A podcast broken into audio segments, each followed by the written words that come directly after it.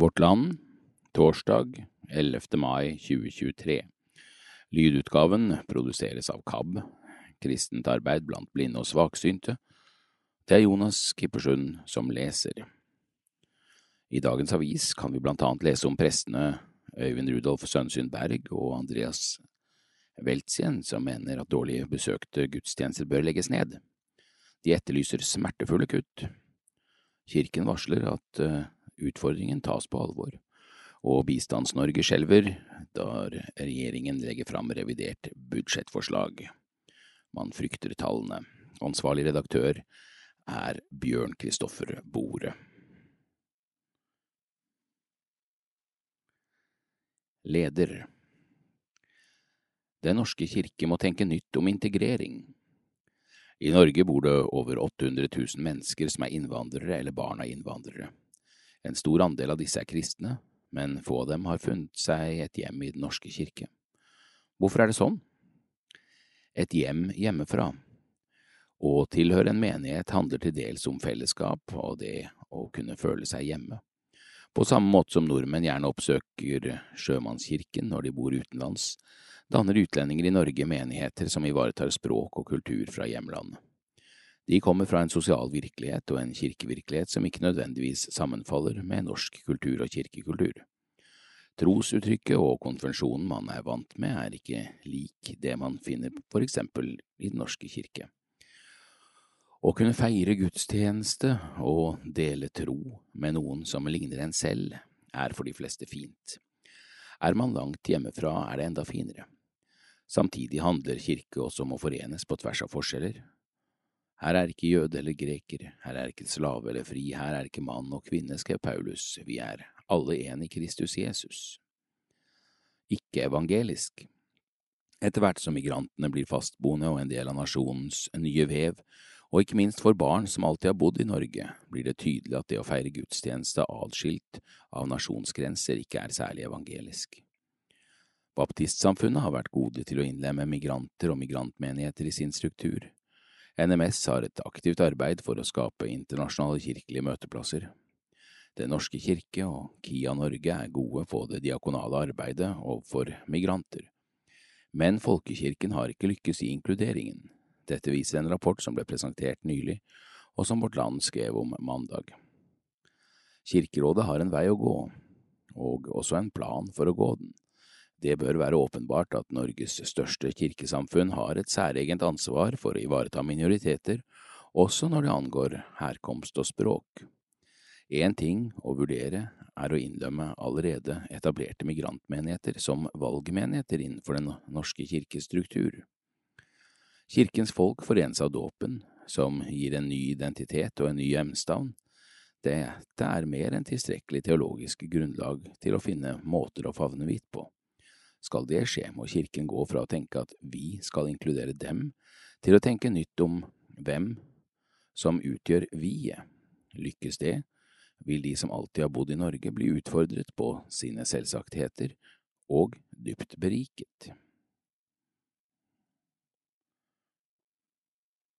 Kommentaren i dag er ved gjestekommentator David Sviland. Å la seg bedra til å tru på Gud. Bono Eugen Peterson lærte meg hvordan jeg kan lese Bibelen nå til dags. Jeg trodde U2 og Bono var et tilbakelagt kapittel i livet mitt. Dette halvkristne rockebandet som tok kristne musikkmiljø med storm fra 1990 til 2010, spilte ei viktig rolle i tenåra mine, ja, heilt fram til jeg, 20 år gammel, så de spille på Wembley, London. Etter det tok andre band og kunstnere over interessa mi.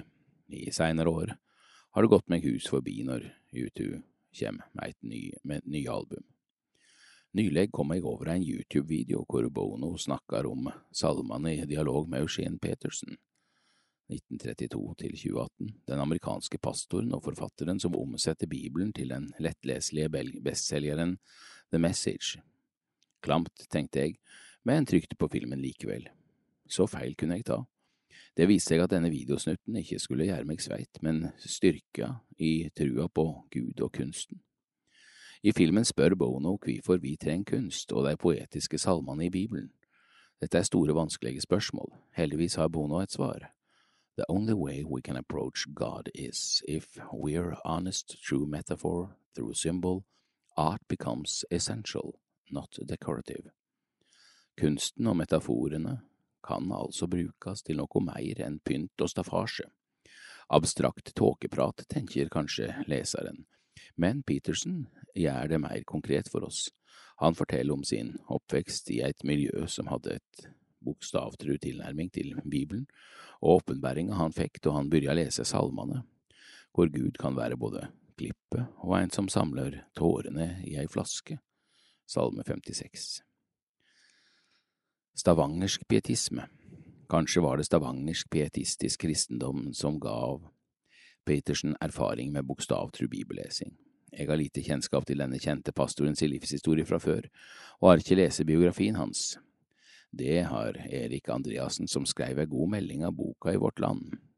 I denne kommer det fram at Petersons besteforeldre, André og Juditha Ødgaard Høyland, var siddisar som emigrerte til USA i 1902, at Petersen vokste opp i et nordisk miljø i Montana, og at ei sekterisk oppvekst fikk stå som kontrast til måten han sjøl valgte å være pastor gjennom mange tiår.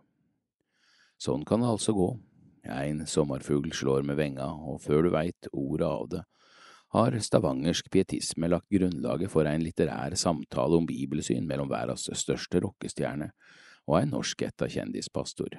Guds vegar er som kjent ufattelige. Men la oss ikke redusere Bono og Petersens samtale til ei argumentasjonsrekke for å lese Bibelen på den ene eller andre måten. Her er det nemlig mer innsikt å hente. For hva er det egentlig Bono mener når han sier at det er gjennom metaforen vi kan være ærlige? La meg prøve å forklare. Omveg til djupere forståing. Jeg liker å se på metaforen som ei kunstnerisk finte. Det er en omvegg som kan gi ei djupere forståing for gåtene i livet. Ikke sjelden har kunst gitt meg innsyn i mitt eget og andre sine liv.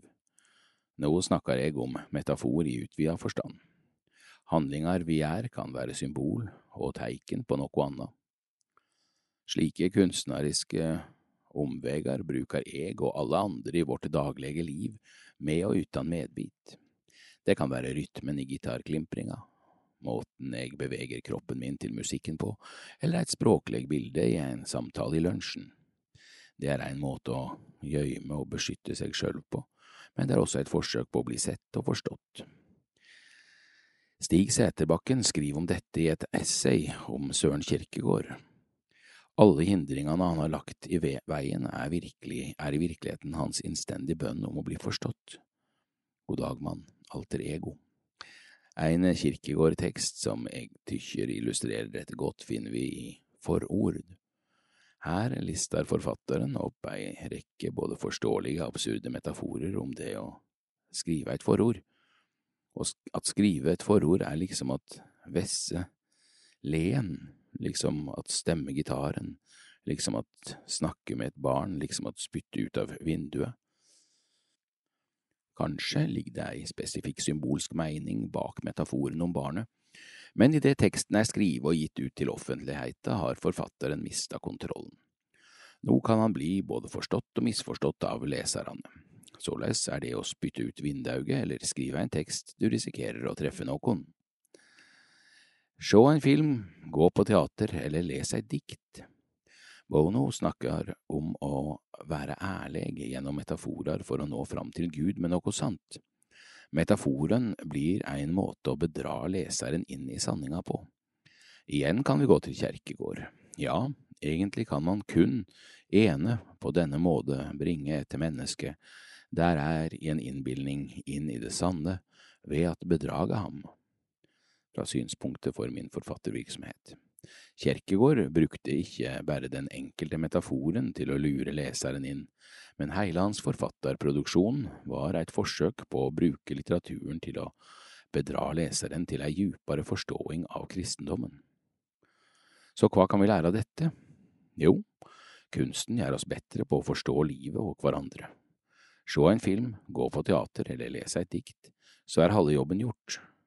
Den andre halvdelen handler om å ta kunsten i bruk til, i ditt eget liv. Det krever analyse, tankekraft og diskusjon, men det viktigste er å være audmjuk for hva metaforen kan bety i ditt eget liv.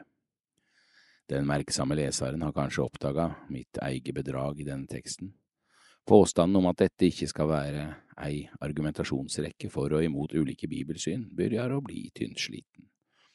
Jeg håper likevel at jeg lukkast med å treffe noen med ei spyttglys av sanning, for også bibellesing handler om å la seg bedra inn i sanninga og trua på Gud.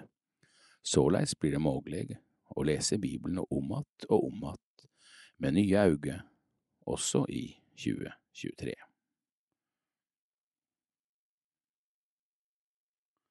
Over til nyheter.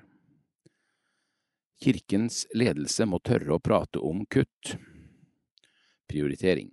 Prestene Øyvind Rudolf Sønnesyn Berg og Andreas Weltzien fikk overveldende respons etter at de foreslo nedleggelse av dårlig besøkte gudstjenester. Nå ber de ledelsen ta ansvar. Vi opplever at ledelsen er litt for passiv. Vi etterspør en ledelse som tar ansvar og tør gjøre smertefulle kutt, sier Øyvind Rudolf Sønnesyn Berg. Han er prest i Sankt Jakob kirke i Bergen, hvor han har en spesialprestestilling. Berg og prestekollega Andreas Weltzien mener at ledelsen i DNK må tørre å tråkke noen på tærne. De mener at vanskelige tider tvinger fram vanskelige endringer. Elleve unge prester og prestestudenter skrev i forrige uke en kronikk i Vårt Land der de tar til orde for en drastisk revisjon av dagens utgave av Den norske kirke, DNK. De foreslår blant annet å legge ned gudstjenester der det er stabilt lavt oppmøte over tid, og åpne for spesialprestestillinger som skal frigjøres tid for prestene til å bygge de mindre fellesskapene. Legg ned gudstjenester med lavt oppmøte. Berg mener at vanskelige kutt nå vil skape en bedre stilt kirke i framtiden. Han opplever at ledelsen i DNK sitter litt for stille i båten. For meg er det uklart om ledelsen oppmuntrer oss til å bygge en folkekirke eller tviholder på det folkekirken en gang var. Jan Christian Kielland er avdelingsdirektør for kirkefag og økumenikk, og forsikrer om at dette vil bli et tema framover for Den norske kirke. Tallene fra årsrapporten er tydelige. Fra forrige normalår i 2019 og til 2022 har besøkende på gudstjenester sunket med 20% Dette kommer til å være et tema som blir satt på dagsorden framover, lover han. Kielland mener at debatten er viktig, og legger vekt på at dette er en viktig samtale Likevel er det noen poeng han savner i kronikken, nemlig vektleggingen av å være en landsdekkende folkekirke. Vi erfarer at kirka betyr mye i lokalsamfunnet, det bør vi tenke nøye gjennom før vi eventuelt legger ned gudstjenestesteder. Samtidig utfordrer gudstjenestetallene oss til å se på om vi i større grad bør prioritere ressurser til det som skjer i kirkene på hverdagene, sier han. De to prestene mener at tiltakene som fremmes er endringer som med tiden vil tvinge seg frem uansett, som følge av prestemangel og nye økonomiske forutsetninger. Berg og Weltzins budskap til ledelsen i DNK er at de bør innføre disse grepene allerede nå. Det er vanskelige valg vi etterspør. I en kirke som allerede sliter, trenger vi at kirkeledelsen sier at vanskelige kutt er nødvendig. Truffet en nerve. Det er tydelig at vi har truffet en nerve, sier Berg til Vårt Land om responsen på kronikken. De to prestene forteller om en overveldende støtte fra kirkelige ansatte og frivillige fra hele landet. De mener engasjementet forteller noe om hvor problemene egentlig ligger. Det står ikke på de ansatte eller frivillige i kirka for å bygge engasjement i kirken. Det er ikke der skoen trykker, det handler om at hvis vi skal få til noe, så må vi gjøre smertefulle grep. Der må ledelsen komme mer aktivt på banen, sånn at det ikke bare blir opp til lokale ildsjeler, mener Berg. Kielland mener at ledelsen allerede prioriterer slike endringer. Samtidig kan ikke alt besluttes nasjonalt. Når vi ser lavere besøkstall i gudstjenester, er det naturlig for biskopene å se på. Han viser til at flere bispedømmer har gjort tydelige prioriteringer. Oslo bispedømme har brukt mye ressurser i Iladalen kirke for unge voksne. Bjørgvin har gjort en, en tydelig investering i Sankt Jakob. Det er flotte tiltak, sier han. Likevel er de to prestene sikre i sin sak. Ansatte, frivillige og folk i menigheten vil få til mer, men ledelsen virker til ikke å ville, til å ikke ville tråkke noen på tærne. Jeg tror kanskje vi må gjøre noen ting som er litt vondt for å få utløst et potensial, følger Weltzin opp. Prestetjenesten. Dere sier at dere ønsker å spesialisere prestetjenesten. Hva vil det innebære? Vi opplever at mange prester må kunne absolutt alt. Når man da har veldig mange faste aktiviteter, blir det ofte til at de relasjonsbyggende oppgavene nedprioriteres. Vi ønsker å løfte dette sistnevnte arbeidet i prestetjenesten.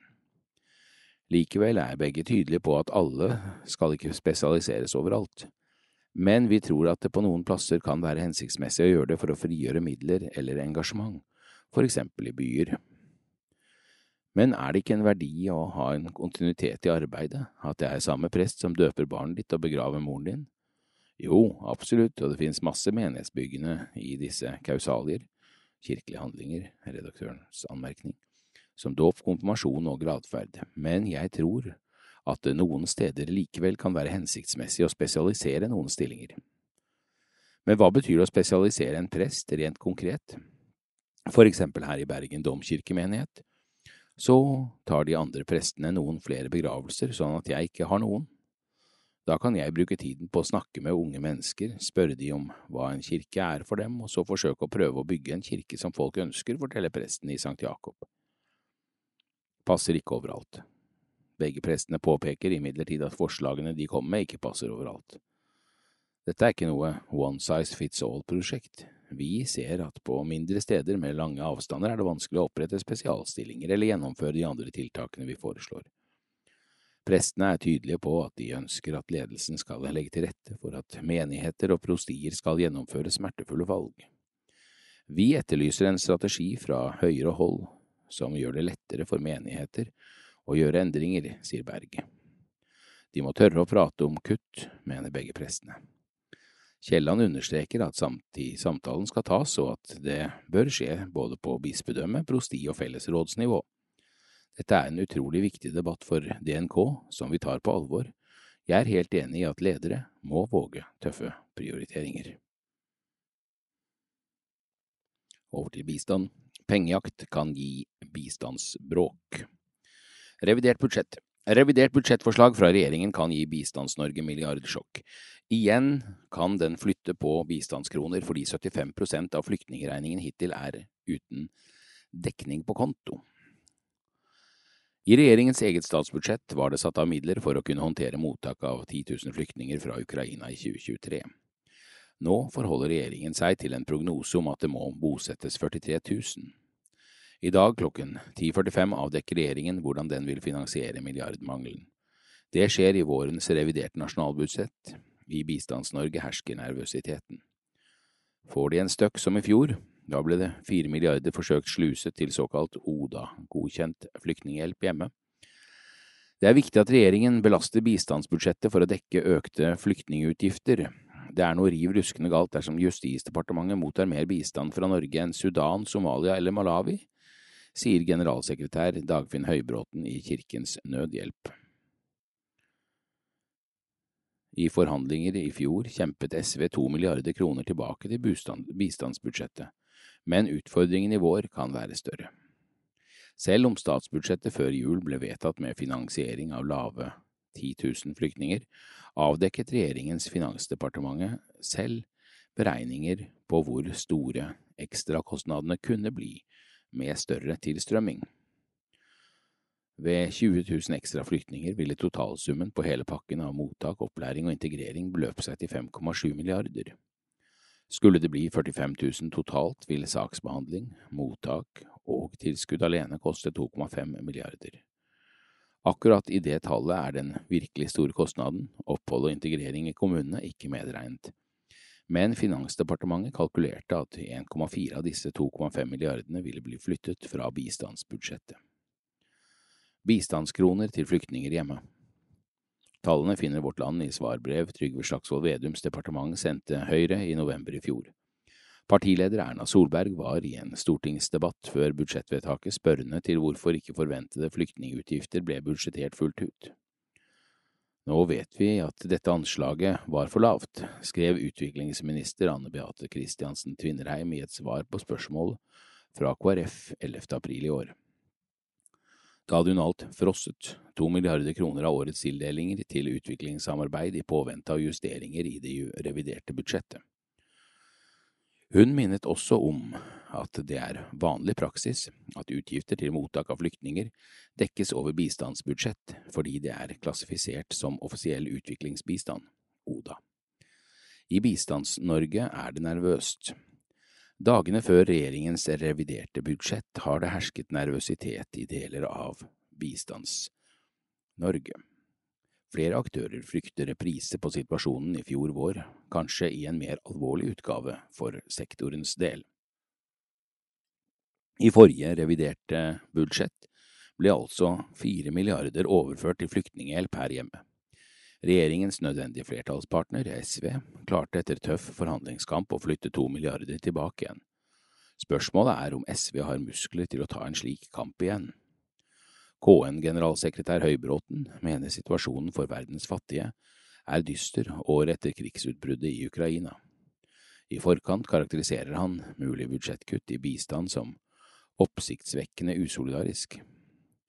Behovene for hjelp øker kraftig på grunn av krig og klimaendringer. Høye priser og lav kronekurs gir mindre bistand for hver krone. Samtidig har Norge rekordhøye inntekter som i stor grad skyldes krigen i Ukraina. I en slik situasjon kan ikke Norge redusere andelen til internasjonal fattigdomsbekjempelse, uttaler han. Redd Barna Ikke tiden for å flytte penger. Utviklingspolitisk seniorrådgiver Gina Eckholt i Redd Barna peker på Norads ferske tall, som viser at bistanden dreies mer til våre egne nærområder. Derfor er ikke dette tiden for å flytte penger bort fra bistandsbudsjettet, det er det motsatte av hva man trenger i en verden med økende priser og et høyt antall ekstremt fattige, sier hun. Hun har håp om at regjeringen kan fylle på med friske midler til bistand. Vi har en klar forventning om at 1 %-målet nås i det reviderte budsjettet. Aps landsmøte vedtok også tekst om at dette målet skulle ligge fast, sier Eckholt. Men vil SV ta kampen nok en gang? Budsjettavtalen SV gjorde med Ap og Sp før jul i fjor, ga kimen til Nansen-programmet for Ukraina. Det sluttet hele Stortinget seg til i vår. Der heter det at 1 %-målet for bistand ligger fast. Dessuten skal det komme en ekstrabevilgning på fem milliarder bistandsrelaterte kroner til land som rammes av Ukraina-krigen. Regjeringen må innfri målet om 1% til bistand for å få SVs støtte. Jeg regner med at fjorårets forhandlinger har gjort det klart for regjeringen, sier partiets utenrikspolitiske talskvinne Ingrid Fiskå. Hun påpeker at anslagene for ukrainske flyktninger har økt, og det bevilges mer penger til dette i revidert budsjett. Men regjeringen bør finne dekning for dette utenfor bistandsbudsjettet. Norge skal ikke være største mottaker av norsk bistand, uttaler Fiskå til Vårt Land. Neste nyhet. Omdiskutert kristen skole legger ned. Privatskole. Innherred kristne skole har tidligere varslet at de trolig må avvikle driften fra neste skoleår. Nå har de tatt en beslutning. Det er besluttet avvikling av skolen. Det sier styreformann ved Innherred kristne skole, Per Ola Hovd, til Dagbladet. Den kristne privatskolen i Mosvik i Trøndelag har vært i hardt vær etter at Trønderavisa og Dagbladet publiserte hver sine intervjuer med rektor i høst. I intervjuet fortalte rektor hva de lærer elever om blant annet homofili og jordens tilblivelse. Homofili er ifølge Bibelens, Bibelens synd, og det lærer vi elevene, er blant uttalelsene han ble sitert på i intervjuet med Dagbladet. Som følge av uttalelsene valgte Utdanningsdirektoratet, UDIR, å åpne tilsyn med skolen. Det resulterte i en tilsynsrapport der UDIR mener skolen bryter friskoleloven på fire punkter, skrev Vårt Land i mars. Også en annen mørk sky har ligget over skolen. I april ble det kjent at skolen trolig må avvikle neste skoleår fordi de mangler ansatte, skrev Dagen. Nedgang i antall elever. Til Dagbladet forteller styrelederen at avviklingen kommer som følge av at elevgrunnlaget ikke lenger er til stede, noe som også påvirker skolens økonomi. Dette er et marginalt område med lite folk som velger kristen friskole, sier Hovd. Ifølge avisen har skolens elevtall gått ned med 20 prosent, fra 15 til 12 elever bare siden i fjor høst. Som følge av avviklingen av driften vil flere av elevene gå over til Montessori-skolen i Mosvik til høsten, opplyser styrelederen. Har en innvirkning. I tillegg til færre elever har skolen hatt utfordringer med å få på plass nok lærere. Hovd har tidligere uttalt til Dagen at han frykter medieoppslagene kan ha gjort det vanskeligere for skolen å tiltrekke seg lærere. Mediene styrer mye av det som skjer, det settes fokus på negative ting, og det har selvfølgelig en innvirkning, sa Hovd til avisen forrige måned. Han avviste at tilsynsrapporten fra Udir er skyld i at skolen trolig måtte avvikle driften. Skolen har for øvrig påklaget det ene avviket, som handlet om at skolen skal ha motsatt seg å bruke den kommunale skolehelsetjenesten, ifølge Trønderavisa. Det har ikke lyktes Vårt Land å få tak i skolens styreleder.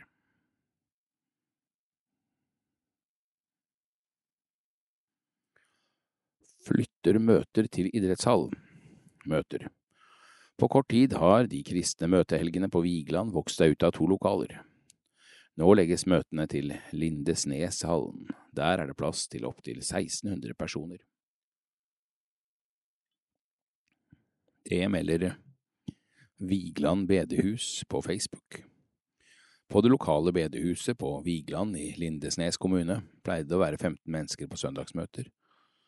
Etter at de startet opp med en møtehelg i høst, har antall deltakere skutt i været, og møtene er blitt stadig flere. I februar møtte 500 mennesker opp på møtehelg på Vigeland bedehus.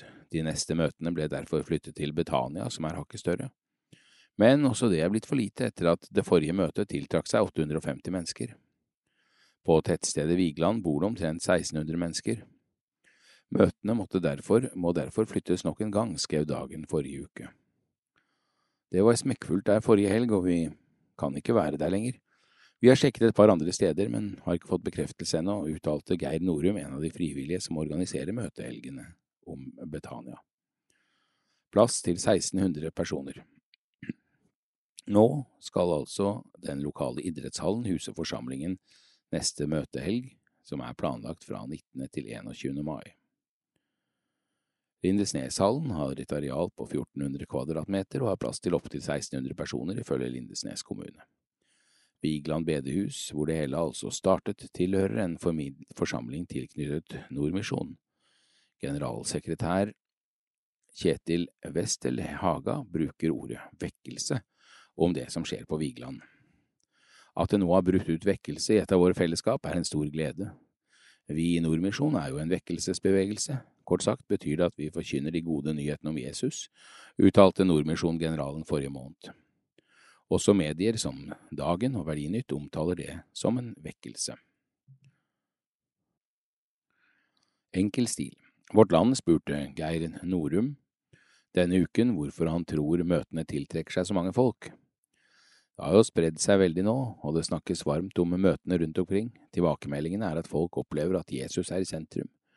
Folk kommer med forventninger, og det er jo bra, sa han. Han fortalte at de har beholdt den enkle stilen med evangeliske sanger, tale, vitnesbyrd og forbønn som Vårt Land skrev om i april. Det er en gruppe på rundt 15 frivillige som har ansvar for møtehelgene. I tillegg er det flere som bidrar med praktiske oppgaver. Evangelisten Arthur Robertsen bidrar med musikk og tale.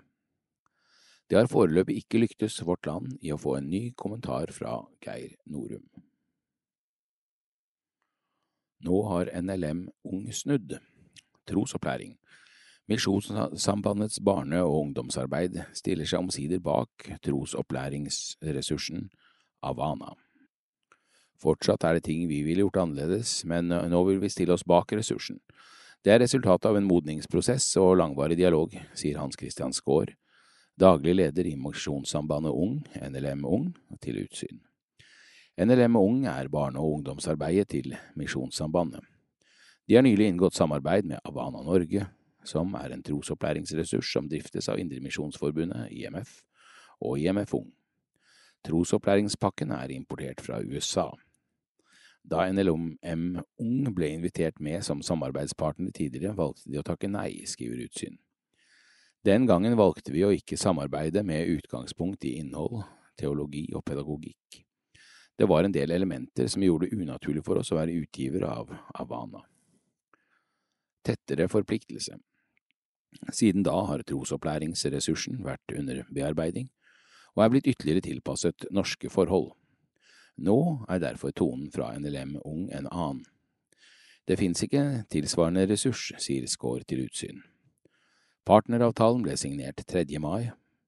Den gir ikke NLM Ung noen form for formelt eierskap i Havana, men det gir likevel en tettere forpliktelse, skriver sambandbåndet. En partner forplikter seg på å promotere Havana i egne rekker, og på lengre sikt vil det gi oss flere brukere totalt sett. Det betyr også at de uttrykker et ønske og vilje til å bidra med egne ressurser til arrangement og videre utvikling, sier Lars Dale, daglig leder i Havana Norge til Sambandet. Fra før er Fribu, Frikirkens barn og unge, og IMF Ung samarbeidspartner med Havana Norge. Til sammen brukes det i 181 ulike barne- og ungdomslag, inkludert 20 lag hos NLM Ung. Ble kritisert. Da Vårt Land omtalte Havana-opplegget i 2017, ble det kritisert for å vektlegge synd og ha et bokstavtro bibelsyn. Inntrykket av at det syndige mennesket vektlegges tidlig, ble tilbakevist av nasjonal leder i Havana Norge, Anne Lene Otterøen. Det er ikke feil å si at vi er syndere, men først skal barna få et sant bilde av at de er skapt av Gud, og at de er elsket og unike. De skal få vite at denne kjærligheten gjorde at Jesus døde for dem, uttalte hun.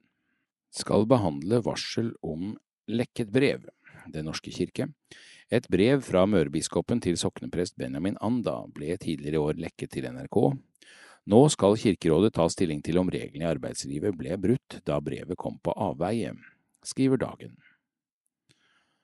Tidligere år valgte sokneprest Benjamin Anda å varsle Kirkerådet om et brev på avveie. Brevet var fra mørebiskop Ingeborg Midttømme til Anda og ble lekket til NRK.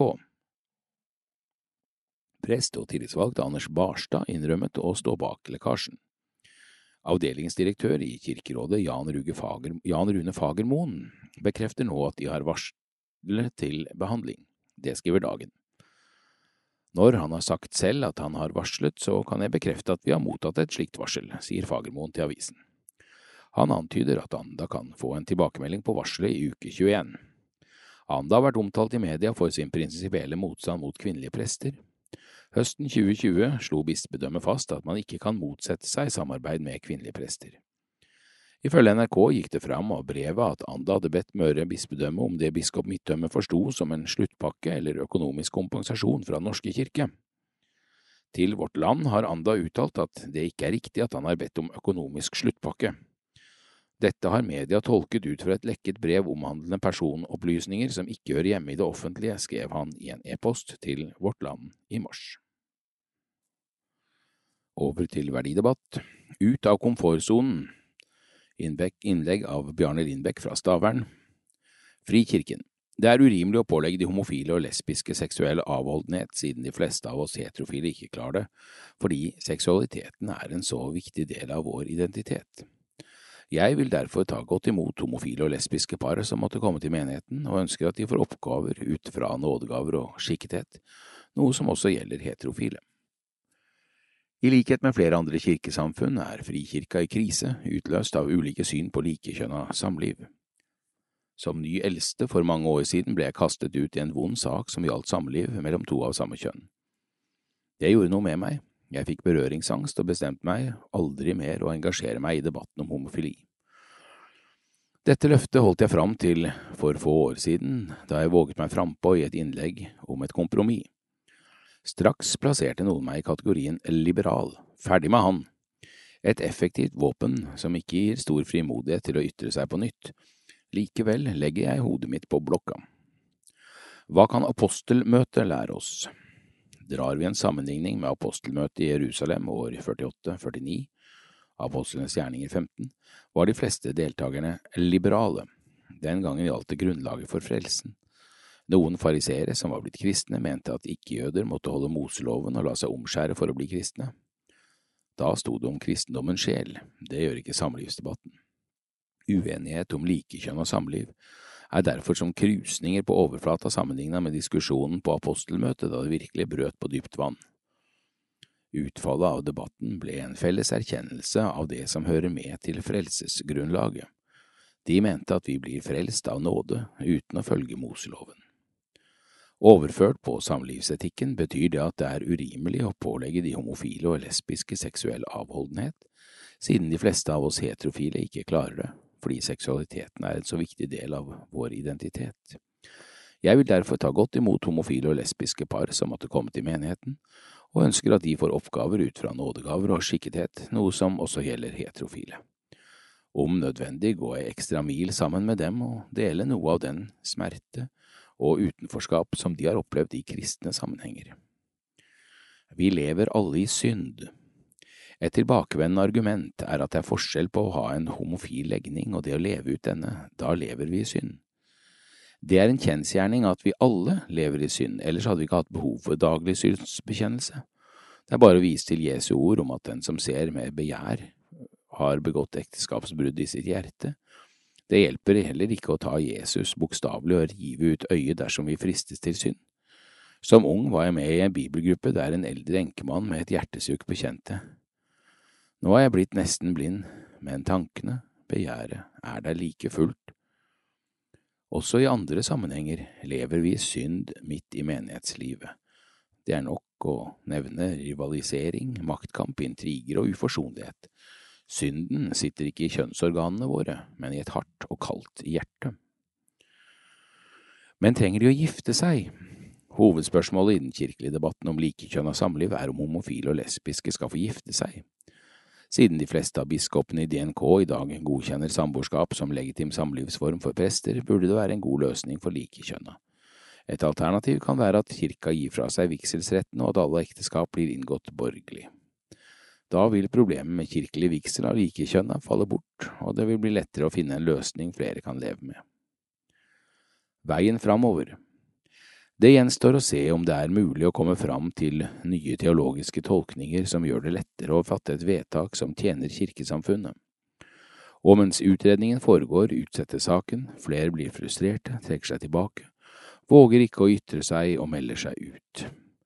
Konklusjonen på apostelmøtet inneholder et sjelesørgisk aspekt, om ikke å legge byrder på andre som vi ikke klarer å bære sjøl. Det var klokt og raust sagt. Spørsmålet er om de som bestemmer i kirkesamfunnet, klarer å være like kloke og rause.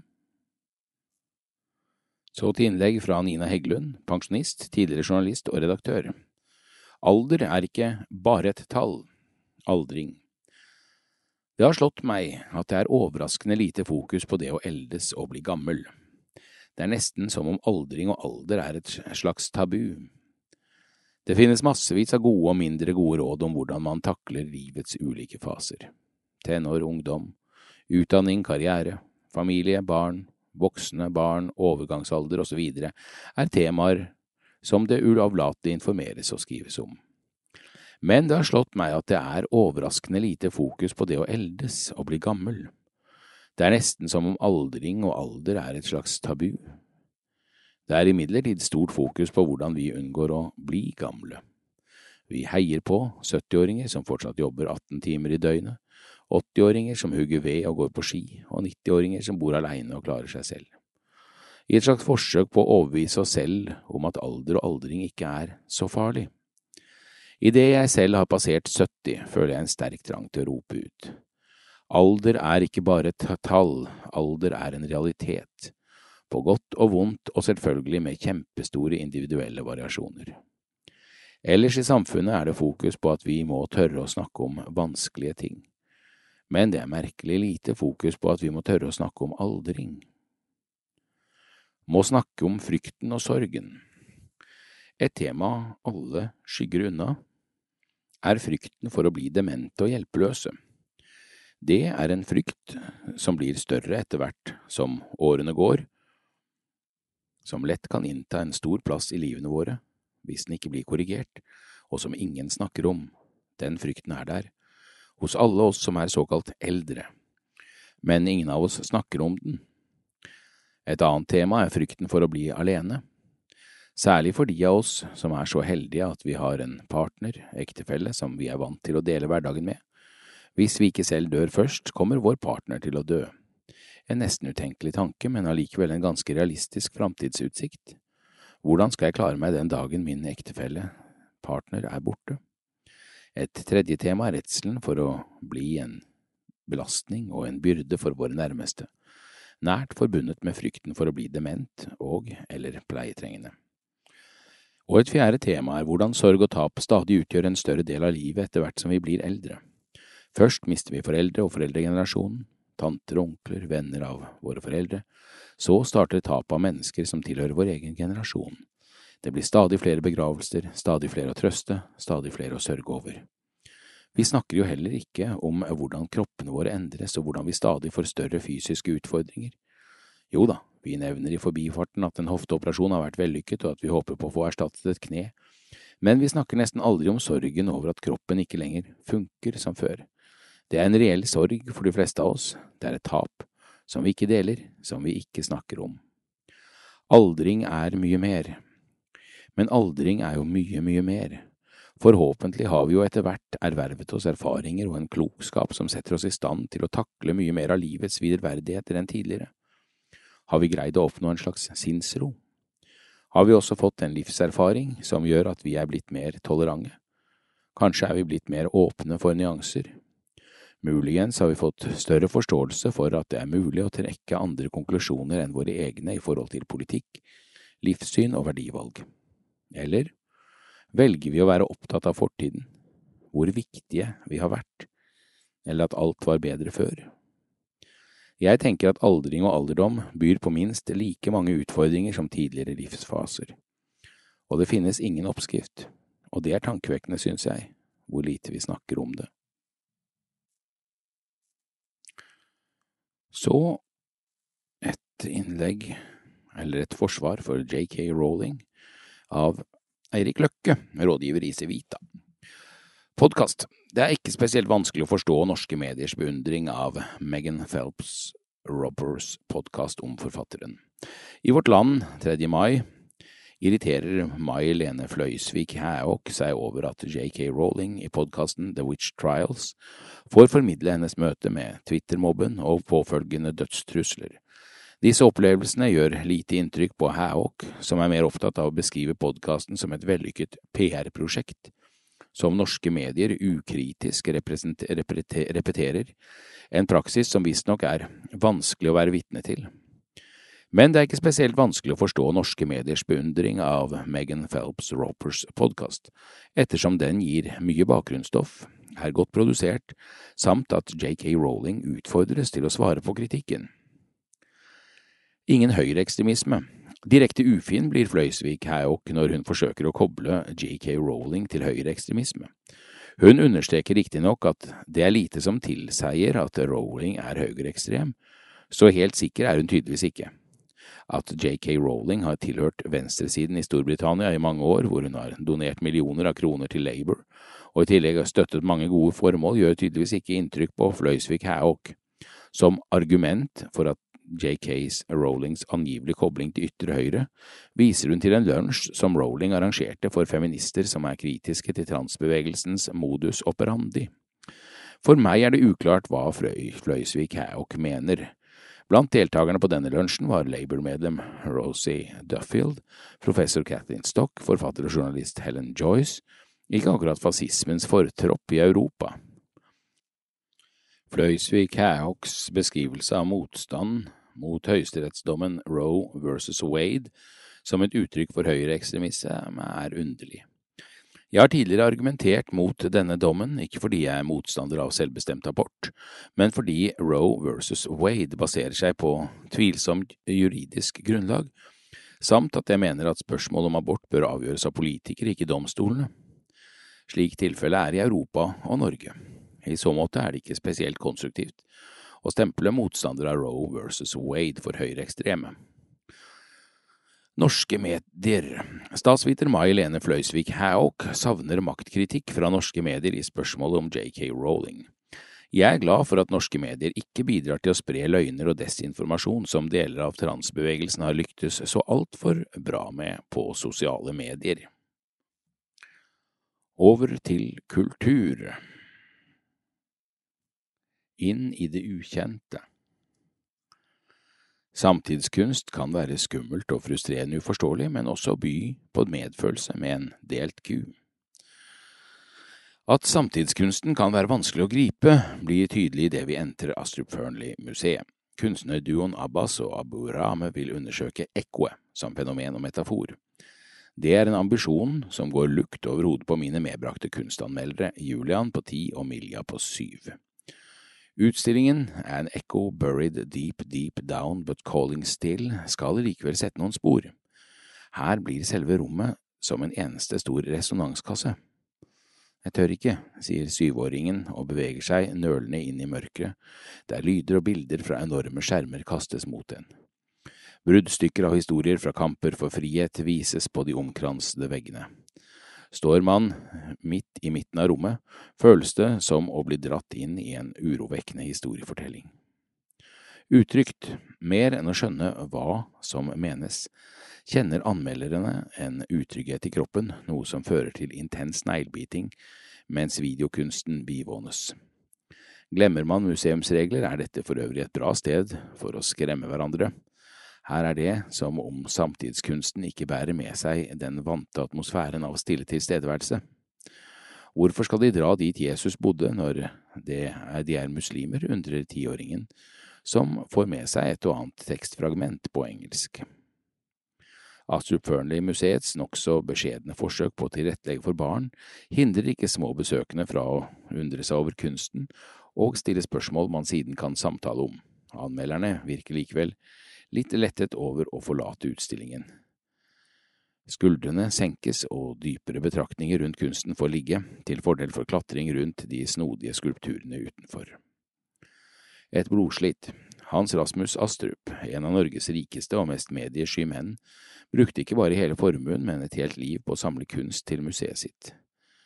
Med teft for å fange den såkalte samtiden anskaffet han noen av de villeste kunstverkene til sin samling. Begeistringen er derfor stor når vi beveger oss inn i denne delen av museet og møtes av en ku som er delt i to. Bak glass med innvollene godt dynket i formalin tas den i nærmere betraktning med kriblende vemmelse. Den var vel allerede død da den ble delt, undrer ungene. Fascinasjonen over det makabre kunstverket glir over i en viss medfølelse. Den ekskalerer når de oppdager den søte lille kalven ved siden av. Kunstner Damien Hirst skal ha hatt et blodslit med å dele dyrene. Han kunne fort fått problemer med å få det solgt, det kontroversielle verket. Hadde det ikke vært for samleren Astrup. At Hirst turte å satse på kua og kalven, gir ikke bare museet et kunstverk som har økt betraktelig verdi, men som også fungerer som et trekkplaster for barn, vel verdt hele museumsbesøket. Rasmusklubben, Asup Fearnley gir likevel følelsen av å ikke være spesielt godt tilrettelagt for barn. Du må ha flaks eller planlegge godt for å treffe tidene museet har satt av til kunstformidling for de minste. Vi er heldige og får bli med på museets egen barnekunstklubb, Rasmusklubben, som møtes her hver fjortende dag. Med dedikerte ansatte og aldersinndelte grupper tas barna med rundt i museet. En håndsopprekning på hvem som husker reglene, viser at dannelsen til den unge forsamlingen ikke bare dreier seg om kunst, men også kunsten å oppføre seg. Ikke ta på ting, ikke rope, ikke løpe i trappene, holde sammen. Tiåringen tar en beskyttende arm rundt lillesøster, på nytt beveger de seg inn på samtidskunstens ukjente territorium. Nærmere kunsten. Oppfordringen om å legge merke til farger, former og lyder blir etterfulgt av en samtale rundt kunsten. Kan ulike farger gi forskjellige følelser? Hvorfor bruker noen maske? Kan man føle seg mindre sjenert og mer mektig eller sterk ved å skjule seg? Med enkel tilnærming og lett ledende spørsmål brytes noe av barrieren og distansen til det de ser ned. Anmelderne mine får en ny giv i møte med den mystiske samtidskunsten, som avsluttes med at barna får lage et stort kollasjbilde i museets eget verksted, et sted som også har drop-in hver søndag, med familieverksted knyttet til de aktuelle utstillingene. På vei ut lyser de unge kunstanmelderne opp. Kan vi smake, spør de og peker på haugene av drops som ligger strødd langs den ene veggen. At søtsakene viser seg å være et kunstverk, faller ikke i god jord. Forsøk på øyeåpnende kunstforbinding til tross, samtidskunsten kan være frustrerende, uforståelig. Dette var altså en del av Kunst for barn-serien. Hva kan norske kunstmuseer tilby barnefamilier? Og i denne serien undersøker vårt lands kritiker Kjersti Juel hva slags tilbud som finnes for barn. Med seg har hun de to barna sine, Julian ti og Milja syv. Så dette var altså Astrup Fearnley-museet. Forrige uke var de på Nasjonalmuseet.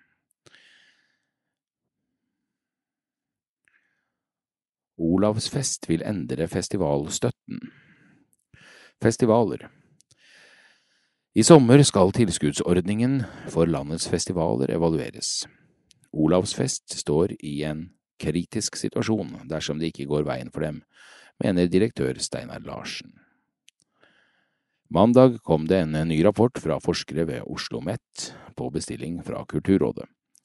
Denne vil være avgjørende når det 12. juni skal diskuteres hvordan landets festivaler skal få tildelt statlige midler i fremtiden. Steinar Larsen, som er direktør for Olavsfest i Trondheim, håper å bli trukket ut av den gjeldende ordningen, der de mottar støtte fra Kulturrådet, sammen med alle landets festivaler.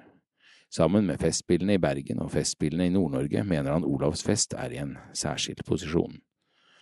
Vi er avhengig av å ha en langvarig finansiering, forteller han. ønsker langsiktighet. Akkurat nå er det Kulturrådet som fordeler midlene til nærmere 300 festivaler i Norge. Snart kan det bli endret. Ved møtet i Bodø 12. juni skal det blant annet diskuteres om enkelte festivaler skal gå inn i en mer stabil ordning gjennom statsbudsjettet. Vi jobber tett med myndighetene for å sikre en langsiktig ordning for de tre største festivalene i landet, sier Olavsfest-direktør Larsen. Han mener dagens ordning gjør det vanskelig å jobbe langsiktig med bestillingsverk og samarbeid med nasjonale og internasjonale kunstnere og musikere. De tre festivalene inngikk i knutepunktordningen som ble avviklet i 2015. Her fikk såkalte knutepunktfestivaler finansiering gjennom statsbudsjettet. Disse skulle være knutepunkt også for andre festivaler i landet, og være sikret en langsiktig og stabil finansiering. Under avviklingen i 2015 uttalte daværende direktør for Olavsfest, Petter Myhr, at festivalen var helt avhengig av den støtten de fikk gjennom ordningen. Steinar Larsen forteller likevel at de ikke, ha, ikke vil tilbake til denne. Knutepunktordningen gikk ut på at festivalen skulle være til hjelp for andre festivaler, mens Larsen mener det er viktig at de får konsentrere seg om å sikre kvaliteten på egen festival, som avholdes hver sommer kritisk situasjon. I mandagens rapport foreslås flere endringer og tilpasninger i finansieringen. En av anbefalingene er å enten utjevne midler til festivaler innenfor lik sjanger, eller å trekke noen nettverksfestivaler ut av ordningen og inn i statsbudsjettet. Sistnevnte løsning vil ifølge rapporten være i tråd med det Kulturdepartementet skrev senest i statsbudsjettet for 2022. I statsbudsjettet står det at departementet vil vurdere innretningen av fast statlig tilskudd til festivaler og festspill. Det er også denne løsningen Larsen nå håper på. Sammen med Festspillene i Bergen og i Nord-Norge har han den siste tiden jobbet med å få til en sånn ordning. I et felles brev til Kulturdepartementet forrige måned beskriver de tre festivalene at de står i en kritisk situasjon. Notatet viser at festivalene har hatt kutt i tilskuddene siden 2016. Olavsfest er blitt kuttet med 400 000 kroner, fra 10,2 millioner i 2016 til 9,8 millioner i 2019. For 2023 har de fått, derimot fått 10,15 millioner. Særlig er Larsen redd for langsiktig planlegging og samarbeid med kunstnere fremover. I utgangspunktet skulle overflyttingen til Kulturrådet gjøre det mulig for festivalen å søke om tilskudd tre år fram i tid, forteller han. Det er noe som i praksis ikke har fungert, sier Larsen. Kulturminister Anette Trettebergstuen, Ap, er derimot ikke redd for fremtiden til Festspillene. Kulturrådet fordeler tilskudd til flere hundre fantastiske festivaler, blant dem er Olavfestdagene, som har mottatt rundt ti millioner kroner de siste årene. Jeg er ikke kjent med at de trenger å være urolige for fremtidig finansiering, skriver hun i en e-post til Vårt Land. Balansere og prioritere. Steinar Larsen mener at det vil være gunstig både for dem og for de mindre festivalene som får tilskudd, dersom Olavsfest, sammen med Festspillene i Bergen og i Nord-Norge, blir trukket ut av ordningen. Det er kunstig at vi er på samme ordning som en ny opera eller en liten festival som får 50 000 kroner i støtte, sier han. Rådsmedlem i Kulturrådet, Ivar Vogt, er ikke helt enig i at det er et problem at festivaler med varierte budsjettbehov er under samme tildeling. Han mener det gir mulighet til en helhetlig forståelse av festivalsystemet. Når ordningen ble opprettet, var det en forventning om utjevning. Samtidig var det en forventning om forutsigbarhet og gode rammebetingelser for de større festivalene. Han forteller at de forskjellige utvalgene som de siste årene har stått for tildelingene, har forsøkt å balansere disse to behovene.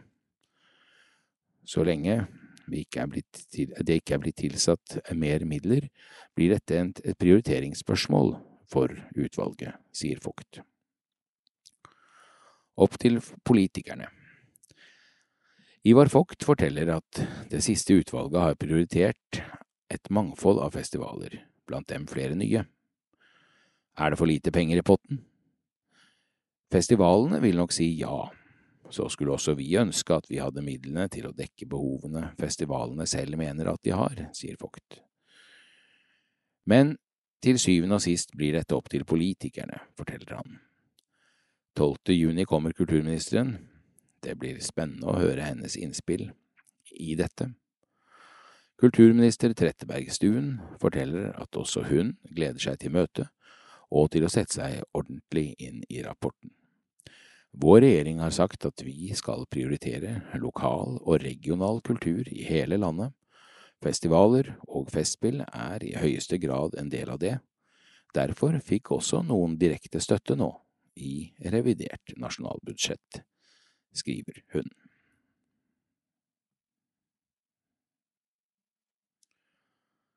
Ettertanken er i dag ved Knut Grønvik, pensjonert prest. Bibelteksten er fra første Johannes 5, 1–4. Enhver som tror at Jesus er Kristus, er født av Gud, og den som elsker Gud, som har født oss, elsker oss den som er født av ham.